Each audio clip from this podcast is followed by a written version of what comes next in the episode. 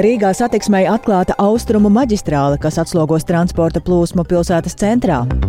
Jau otro sēdi pēc kārtas saima atliek malā tabakas likumu, kas paredz ievērojamas izmaiņas nozarē. Tur nekāda spiediena, spiediena, nespiediena, zemūdeņa akmeņa, intrigas. Paldies Dievam, varbūt kādam, diemžēl, bet tur nav nekaut kas. Evikas Ciliņas vadītajai valdībai šonadēļ aprit pirmās simts dienas, un Austrums slimnīcā jau devīto reizi ieved karā ievainotos Ukrainas karavīrus. Arī par to plašāk raidījumā pusdiena.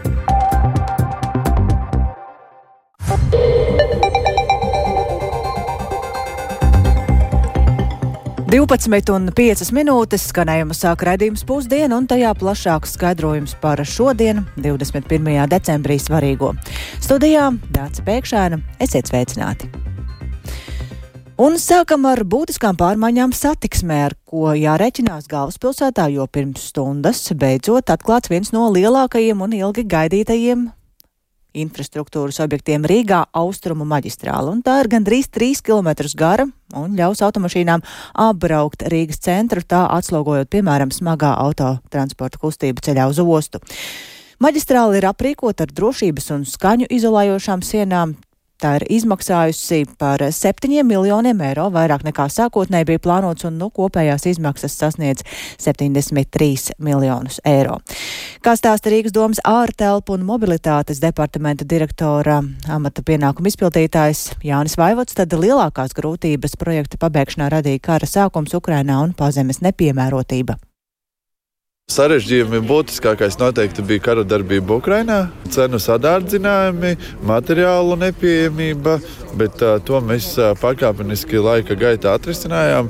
Sadārdzinājums beigās nav tik liels, pat kā mēs sākotnēji bijām plānojuši. Un, uh, attiecīgi, noteikti otrs izaicinājums bija pazemes neatbilstība gan topogrāfijām, gan arī ģeoloģiju neatbilstība tam, kas bija īstenībā pazemē, lai arī blakus urbumā un varbūt tur trīs metri metrus tālāk atrokot, viss bija labi.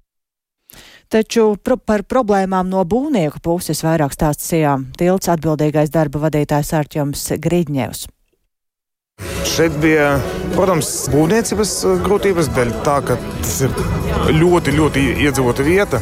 Šeit bija daudz komunikācijas, daudz iedzīvotāju, daudz mājas un tā. Un mēs visu laiku cenšamies būvēt šādi, lai netraucētu vietējos iedzīvotājus, lai viņiem pēc iespējas vieglāk pārdzīvot to visu būvniecību. Man šķiet, tas izdevās. Un to, vai maģistrāli atklājot satiksmes problēmas pilsētā būs atrisinātas vai vismaz būs uzlabojumi, to redzēsim pēc kāda laika. Katrā ziņā nu jau stundu jaunais pārvads ir atvērts auto vadītājiem un vairāk par to tad arī stāstīsim vēlāk raidījumā pēcpusdienu. Bet saima šogad tomēr netika līdz būtiskajām izmaiņām tabaks izstrādājumu apritē. Jau otro sēdi pēc kārtas likuma izmaiņas ir izņemtas no darba kārtības. Par likuma grozījumiem atbildīgās komisijas vadītājs Andris Bērziņš no Zaļo un Zemnieku savienības gan uzsver, ka tas tiekot darīts juridisku labojumu dēļ un izmaiņu mērķi neviens nekavējot. Par šī likuma pamatmērķi un pieņemšanas kārtību vairāk vaicāsim Jānim Kīnsim. Sveiks, Jāni! Sveicināti! Jā, ar plašiem grozījumiem tabaks izstrādājumu, augus meķēšanas produktu, elektronisko meķēšanas ierīču un to šķidrumu aprites likumā ir paredzēts atļaut tirgot elektroniskās cigaretes tikai ar tabakas aromātu un garšu, tātad bez dažādiem papildu aromatizētājiem. Likuma grozījumi paredz arī no 18 līdz 20 gadiem celt vecumu, kurā varēs iegādāties uh, jebkāda veida tabakas izstrādājumus. Un likuma izmaiņas arī noteiks, ka tabakai noteiktie lietošanas ierobežojumi publiskās vietās, tirdzniecības un reklamēšanas ierobežojumi, arī sponsorēšanas un iepakojuma nosacījumi attieksies arī uz tabakas karsēšanas un elektroniskajiem smēķēšanas rīkiem. Pat labam tabakas karsēšanas ierīces un citus klasiskās tabakas aizstājēju produktus likums šajos, šajās sadaļās neregulē. Un, tāpat likums arī, piemēram, aizliegs smēķēt saimnes un ministru kabineta ēkās tam norādītajās telpās. Bet kāpēc tad likuma pieņemšana kavējas?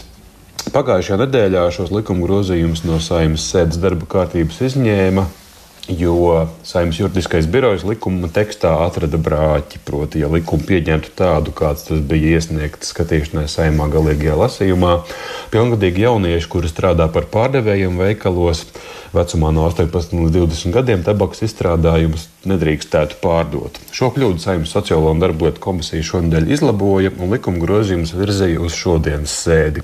Taču šodien Saimnes Sociālo un darbu lietu komisijas vadītājs Andris Bērziņš no Zaļo zemnieku savienības atzīst, ka daudzo kopskaitā 80 priekšlikumu dēļ šī likuma skatīšana pārmērīgi ievilktu sēdi, taču kurā jau tā ir apjomīga darba kārtība. Taču sasteigt šo procesu nesot nekādas vajadzības, jo šie likuma grozījumi tik un tā uz nākamo gadu vēl neatieksies. Tā skaidroja deputāts. Lūk, viņa teiktais. Nolēma sakarā ar to, ka šī ir pēdējā plenāra sēde, un viņu mēs komisijā nolēmām skatīt pirmajā sēdē janvāra mēnesī. Nu, viņš ir izgājis jau ilgus laikus, un viņš četrus gadus ir skatīts. Līdz ar to ir tāda doma, teiksim, ka pirmo sēdi 11. janvārī Mēs lūdzam ieslēgt viņu ar nākamo gadu. Tur nekāda spiediena, spiediena, nespiediena, zemūdeņa akmeņa, intrigas. Paldies Dievam, varbūt kādam, diemžēl, bet tur nav nekaut kas. Jā, nu, šos likuma grozījumus patiesi sāka gatavot jau iepriekšējā saimnes sasaukumā, un, kā jau es minēju, paredzēts, ka šis likums tātad noteiks līdz šim nebijušu regulējumu saistībā ar prasībām tabakas aizstājai produktiem. Un šo būtisko pārmaiņu dēļ likuma grozījumi arī ir jau saskaņot ar Eiropas komisiju. Un Savukārt šī saskaņojuma ar Eiropas komisiju dēļ vēl citas likuma izmaiņas pašlaik netiekot plānotas. Vēlreiz atkārtoja arī deputāts Andris Bērziņš. Nu jā, tad, kad saima tiks līdz šiem tabakas likuma grozījumiem, tie stāsies spēkā 2025. gadā. Un, ņemot vērā to, ka pašlaik šī likuma skatīšana tiks pārcelt uz janvāri, tad uh, likums varētu stāties spēkā mēnesi vēlāk, 25. gada februārī. Dace. Paldies Jānim Kīncim! Tas tātad par ziņām no saimes, bet um, šajā nedēļas nogalē apritēs simt dienas kopš darbu ir sākusi jaunā valdībā ministra prezidents Eviks Siliņas no jaunās vienotības vadībā, un šajā laikā ir izstrādāts budžets, paveikti daudz citi darbi, taču bijušas arī atsevišķas aizķeršanās, te minams, piemēram, Siliņas partijas biedra ārlietu ministra Krišāņa Kariņa privāto lidmašīnu skandāls, un Vairāk par to, kā pirmajās simts darba dienās ir strādājusi Evika Siliņas valdība, ko no paveiktā jau var secināt un kādi ir svarīgākie uzdevumi nākotnē, to sazinoties ar ekspertiem centās skaidrot kolēģi Agnija Lazdiņa. Sveika, Agnija, un jā, ko tu vari teikt par to, kā tad vērtē Siliņas vadīto valdību šobrīd? Labdien! Sākumā jānorāda, ka pati valdības vadītāja Evika Siliņa no jaunās vienotības ir paudusi, ka lepojas ar valdības komandu un ir liels gandarījums par to, ka ministru kabinets pirmās simts dienas mērtiecīgā komandas darbā paveicis jaunās valdības noteiktos neatliekamos uzdevumus. Tostarp ir vienošanās arī par galvenajiem paveicamajiem uzdevumiem nākamajā gadā. Ar valdības vadītāju ir ticies arī prezidents Edgars Rinkēvičs, kas norādījis, ka izvirzīt konkrētus darbus un mērķus, ko sasniegt, sasniegt līdz gada beigām, ir laba prakse, un tāpat viņš pozitīvi vērtē, ka ir pieņemts uh, nākamā gada valsts budžets un valdība spējusi vienoties par pagaidu atbalsta pasākumiem elektrības tarifu pieaugumam, un drīzumā tikšot pabeigts darbs pie Baltkrievijas robežu žoga izbūves. Un uh, arī rīta intervijā Latvijas radio raidījumā Labrīt sabiedrības par atklātību Delna vadītāja Inese Tauriņa sacīja, ka nākamā gada valsts budžetā izvirzītās prioritātes - veselība, izglītība un drošība esot atbilstošas šī brīža situācijai un ka drošība, Latvijas ekonomikas stiprināšana, izglītība un veselības aprūpe esot vērst uz cilvēku. Mēs jau varam gudrus plānus sarakstīt. Tam jautājums, vai konkrētās iestādes, ministrijas, ierēģi vispār spēj to īstenot. Tad tas nākamais ir valdības rīcības plāns, pie kur šobrīd arī strādā. Un tad vai tiešām tur būs atbildīgie konkrēti termiņi, konkrēti darbi, kas palīdzēs to visu īstenot un tiešām tās ieceras izpildīt. Man liekas, ka ļoti svarīgi ir, ka sen jau iekavētie darbi izdarīti. Šai valdībai ir bijusi drosme un spēja saorganizēties un pieņemt. Mēs jau zinām Stambuls konvenciju, partnerattiecību regulējums, un tad skatāmies tālāk tiešām uz priekšu par to, ka jā, valdība savā deklarācijā ir minējusi, ka tiesību sargājošo iestāžu stiprināšana, korupcijas mazināšana mazliet tur parādās. Nu, tās jau ir, protams, tās lietas, kas mūs interesē, un tāpēc mēs tiešām gaidām arī tālāko darbu sarakstu, ko tad valdība būs apņēmusies konkrēti īstenot. Saimas deputāts un frakcijas jaunā vienotība vadītājs Edmunds Jurēvits norāda, ka vērtējot paveikto jāskatās gan uz valdību, gan koalīcijas darbu, taču viņuprāt kopumā paveiktos kopumā paveiktais esot bijis rezultatīvs un koleģiāls. Paklausīsimies viņu. Būtiski ir tas, ka tie neatliekamie darbi, kas tika uzlikti, kas ir jāizpilda līdz jaunajam gadam, visi tika izdarīti. Gan tie, kas attiecās uz cilvēktiesību jautājumiem, ratificēta konvencija pret vardarbību pret sievietēm, partnerības likumprojektu pakotni pieņemts, arī valsts budžets pieņemts, kur ir daudz svarīgu sociālu jautājumu un arī ļoti svarīgus solījumus, kas tika dots sabiedrībai, noregulēt un sakārtot šos tarifu jautājumus, kas ir panākts, lai nebūtu šis lielais kāpums. Un arī būtiski ir atbalsts kredītņēmējiem. Tā kā es gribu teikt, teikt kopumā, jaunās koalīcijas un valdības darbu raksturo tas, ka tiek izvirzīti konkrēti mērķi, lai arī to nav viegli sasniegt, bet tas ir izdarīts noteiktajā termiņā. Savukārt politologs un Latvijas Universitātes sociālo zinātņu fakultātes dekāns Jānis Ikstens stāsta, ka Siliņas valdībai ir izdevies pieņemt dažus likumprojektus, kas ir neviennozīmīgi vērtēti sabiedrībā, tostarp arī koalīcijas iekšēnē radījuši kaut kādu domu dažādību, kā piemēram Stambulas konvencija vai partnerības regulējums, un, ka, un kas esot būtiski, šie normatīvie akti ir pieņemti spējot saturēt kopā valdošo koalīciju, ko var atzinīgi vērtēt no politikas vadīšanas viedokļa. Tā norāda Dīkstens? Protams, ir eh, pieņemts budžets, bet, nu, diez vai tur ir īpašs pamats ar kaut ko lepoties un par kaut ko priecāties, ja vienīgi pats fakts, ka budžets ir pieņemts. Jo šajā budžetā ir eh, liels uzsvars uz, eh, tā varētu teikt, tērēšanu, bet tas nedod sajūtu, bet tas nerada sajūtu, ka tiek ieguldīts pietiekami daudz līdzekļu arī attīstībā.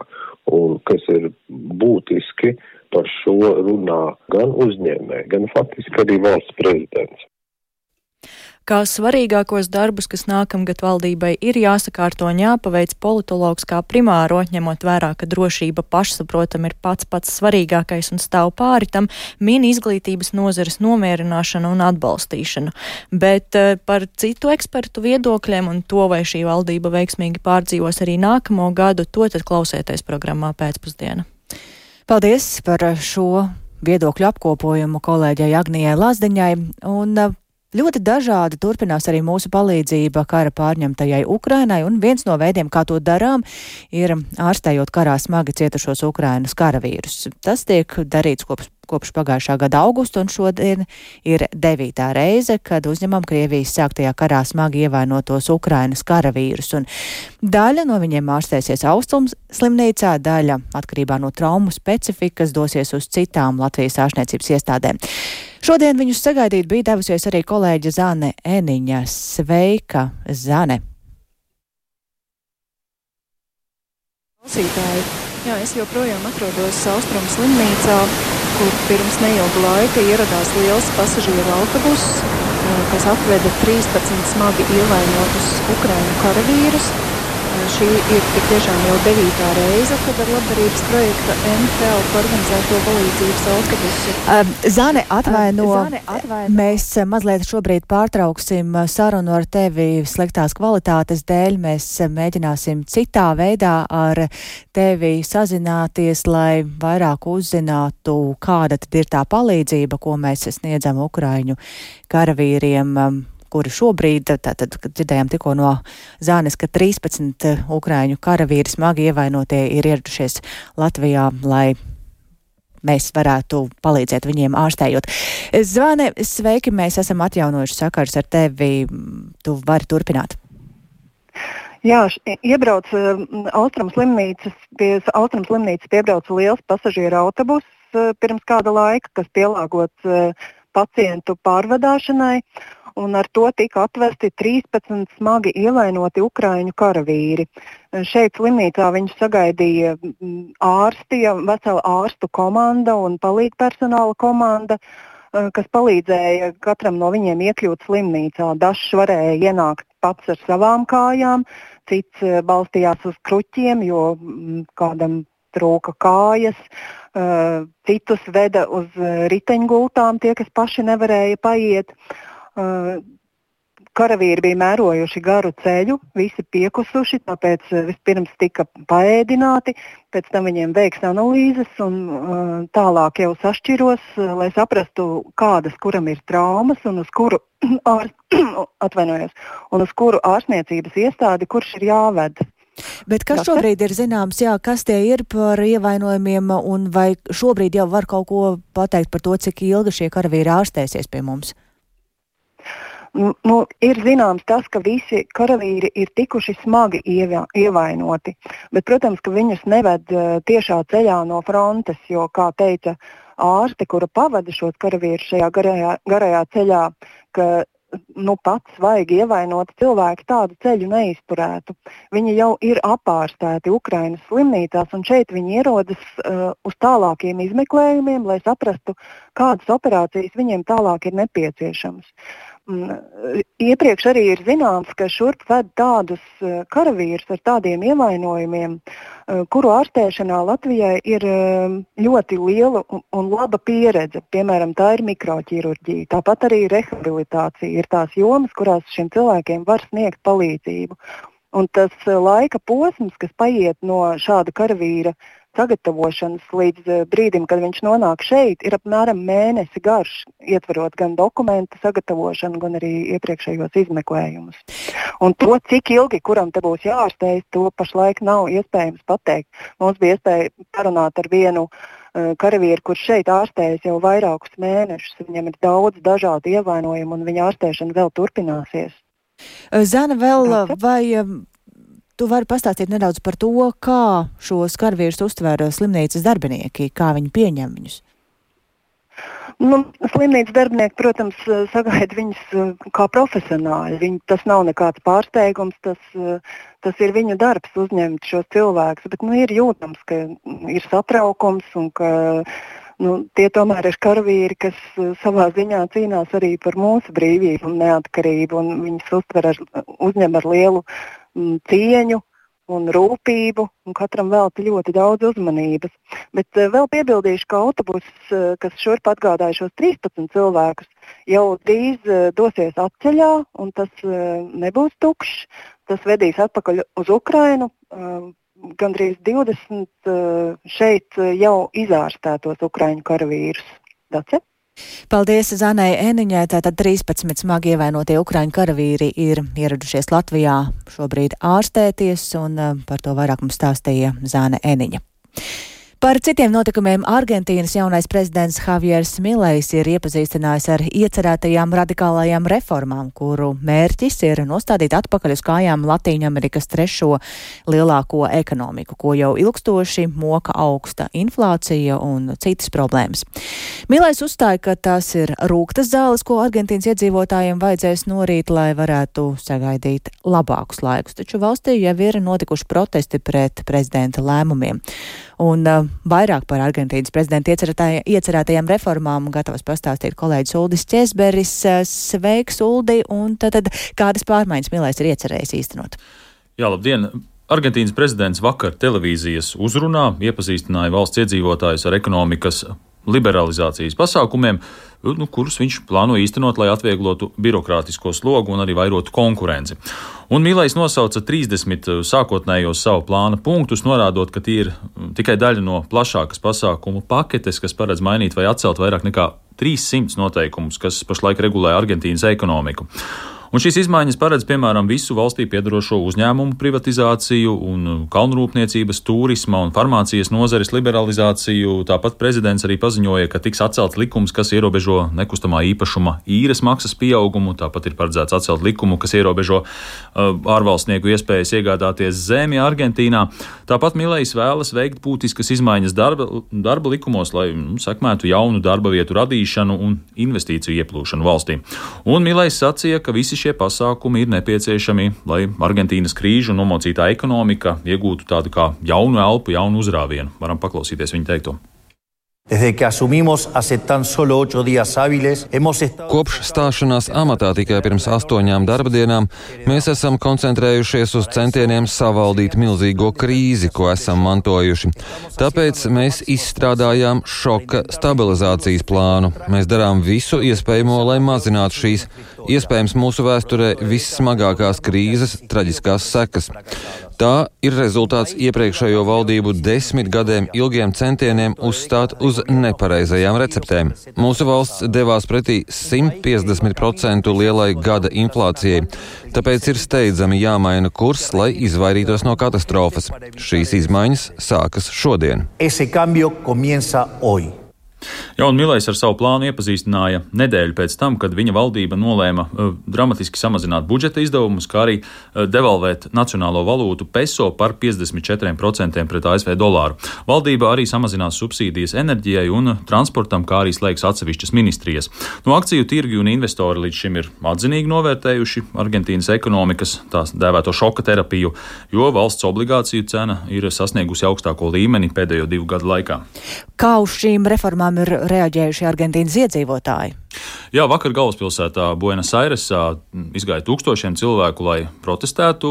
Demonstrācijas organizatori arī mudināja arotbiedrības rīkot ģenerālstreiku, lai pretotos valdības plāniem. E, nu, jāsaka, ka argentīnieši ir pieraduši pie valsts sniegtajiem pabalstiem un atvieglojumiem, tāpēc e, subsīdiju samazināšanu degvielai un transportam, kā arī, piemēram, dzīvokļu īres cenu paaugstināšanu visvairāk izjutīs tieši ierintas iedzīvotāji, no kuriem jau daudzi pašlaik nevar savilkt īsti jostas, jo aptuveni 40 40% no valsts 46 miljoniem iedzīvotāju dzīvo zem nabadzības sliekšņa. Nu, pagaidām gan nav skaidrs, vai vispār šīs visas milēja ieceres varēs īstenoties, jo tās vēl Tur notiks arī apspriešana parlamentā, kur viņa pārstāvētajai partijai nevienā no palātām nav vairākums, nu, bet ar dažādu mazāku partiju atbalstu visticamāk, ka vienā no palātām tas tiks atbalstīts, un vismaz daļa noteikti no šīm iecerētajām reformām tiks īstenotas. Paldies Uldim Česberim. Bet mēs atgriežamies pašmājās, un šodien Liepājas domē plāno lemt par nākamā gada budžetu, paredzot atalgojumu palielinājumu pirmskolas pedagogiem vidēji par 134 eiro.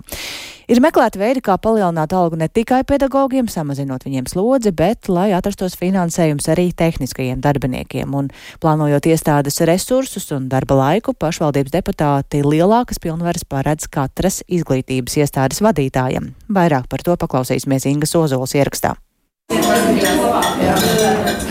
Bērni pūsdieno. Liepājas jaunākās un modernākās pirmskolas izglītības iestādes liedaks darbinieki ir gandarīti par darba vidi un plašajām telpām. Skolotāja Ieva Bartuševiča ir optimistiska. Atalgojums jebkurā gadījumā būs lielāks, viņa saka. Kaut kam jau vienmēr ir jāmainās, un nevienmēr viss ir jāuztver tik pesimistiski. Varbūt ir jāskatās uz kaut kādām pozitīvām pusēm, ka tomēr tā alga ir lielāka šobrīd.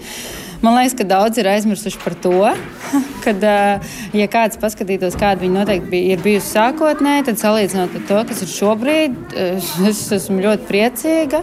Oksana ir skolotāja palīgs. Pēc nodokļu nomaksas uz rokas viņa saņem 600 eiro. Viņas kolēģi skolotāji uzskata, ka būtu jāsaņem vismaz 800 vai 1000 eiro, lai izdzīvotu. Nu, neviens jau jūs nespēj šajā profesijā strādāt, var jau iet strādāt labāk apmaksātu. Jā, es esmu strādājis labāk apmaksātu, bet attiecīgi lielākā alga, attiecīgi lielākas slodzes, piemēram, pa pavāru strādājis. Jā, nu, tur ir tā, ka tur ņem raskladušku un dzīvo tur tajā virtuvē. Atalgojuma izmaiņas plaši apspriestas gan ar izglītības iestāžu vadītājiem, gan arotbiedrību uzsver Liepājas domas deputāte Dace Bluķa no kustībai par.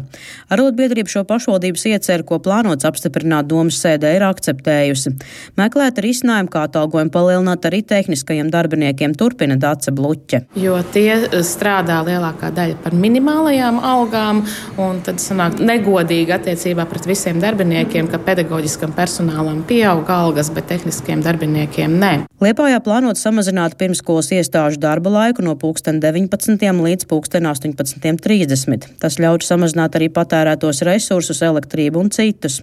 Bērnu dārzos lielāko daļu bērnu izņem no 5 līdz 6 vakarā. Turpina Dāca Bluķa. Tad ir vai nu nepaliek neviens bērns līdz tiem septiņiem, vai tie ir daži, viens, divi atsevišķos dārziņos. Visi direktori piekrita, ka var par pusstundu darba laiku samazināt. Izglītības pārvaldes vadītājs pienāk pienākumu izpildītāja Inga Ekuze gan uzsver, ka bērni bez pieskatīšanas nepaliks. tiks meklēti labākie risinājumi. Tas noteikti nenozīmē to, ka bērndārs durvis būs ciet. Jebkurā gadījumā dežūru momentu būs iespējami. Liepājas valsts pilsētas domas priekšsēdētājs Gunārs Anceņš no Liepājas partijas uzsver, ka šajā atalgojuma modelī tieši iestāžu vadītājiem būs iespēja lemt par pieejamo resursu sadali, plānojot gan tehnisko darbinieku atalgojumu, gan citus izdevumus. Budžeta ietvaros pirmskolas vadītāji varēs paši izlemt, kā labāk šo finansējumu sadalīt.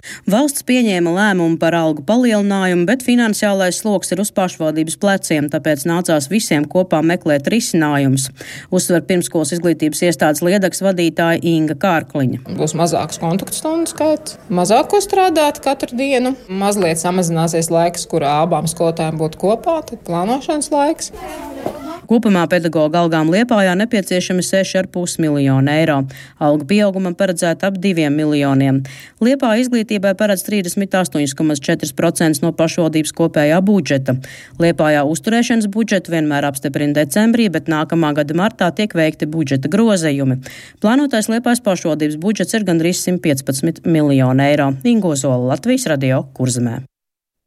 Ar to arī skan raidījums pusdiena. Uz tikšanos atkal rīt. Yeah.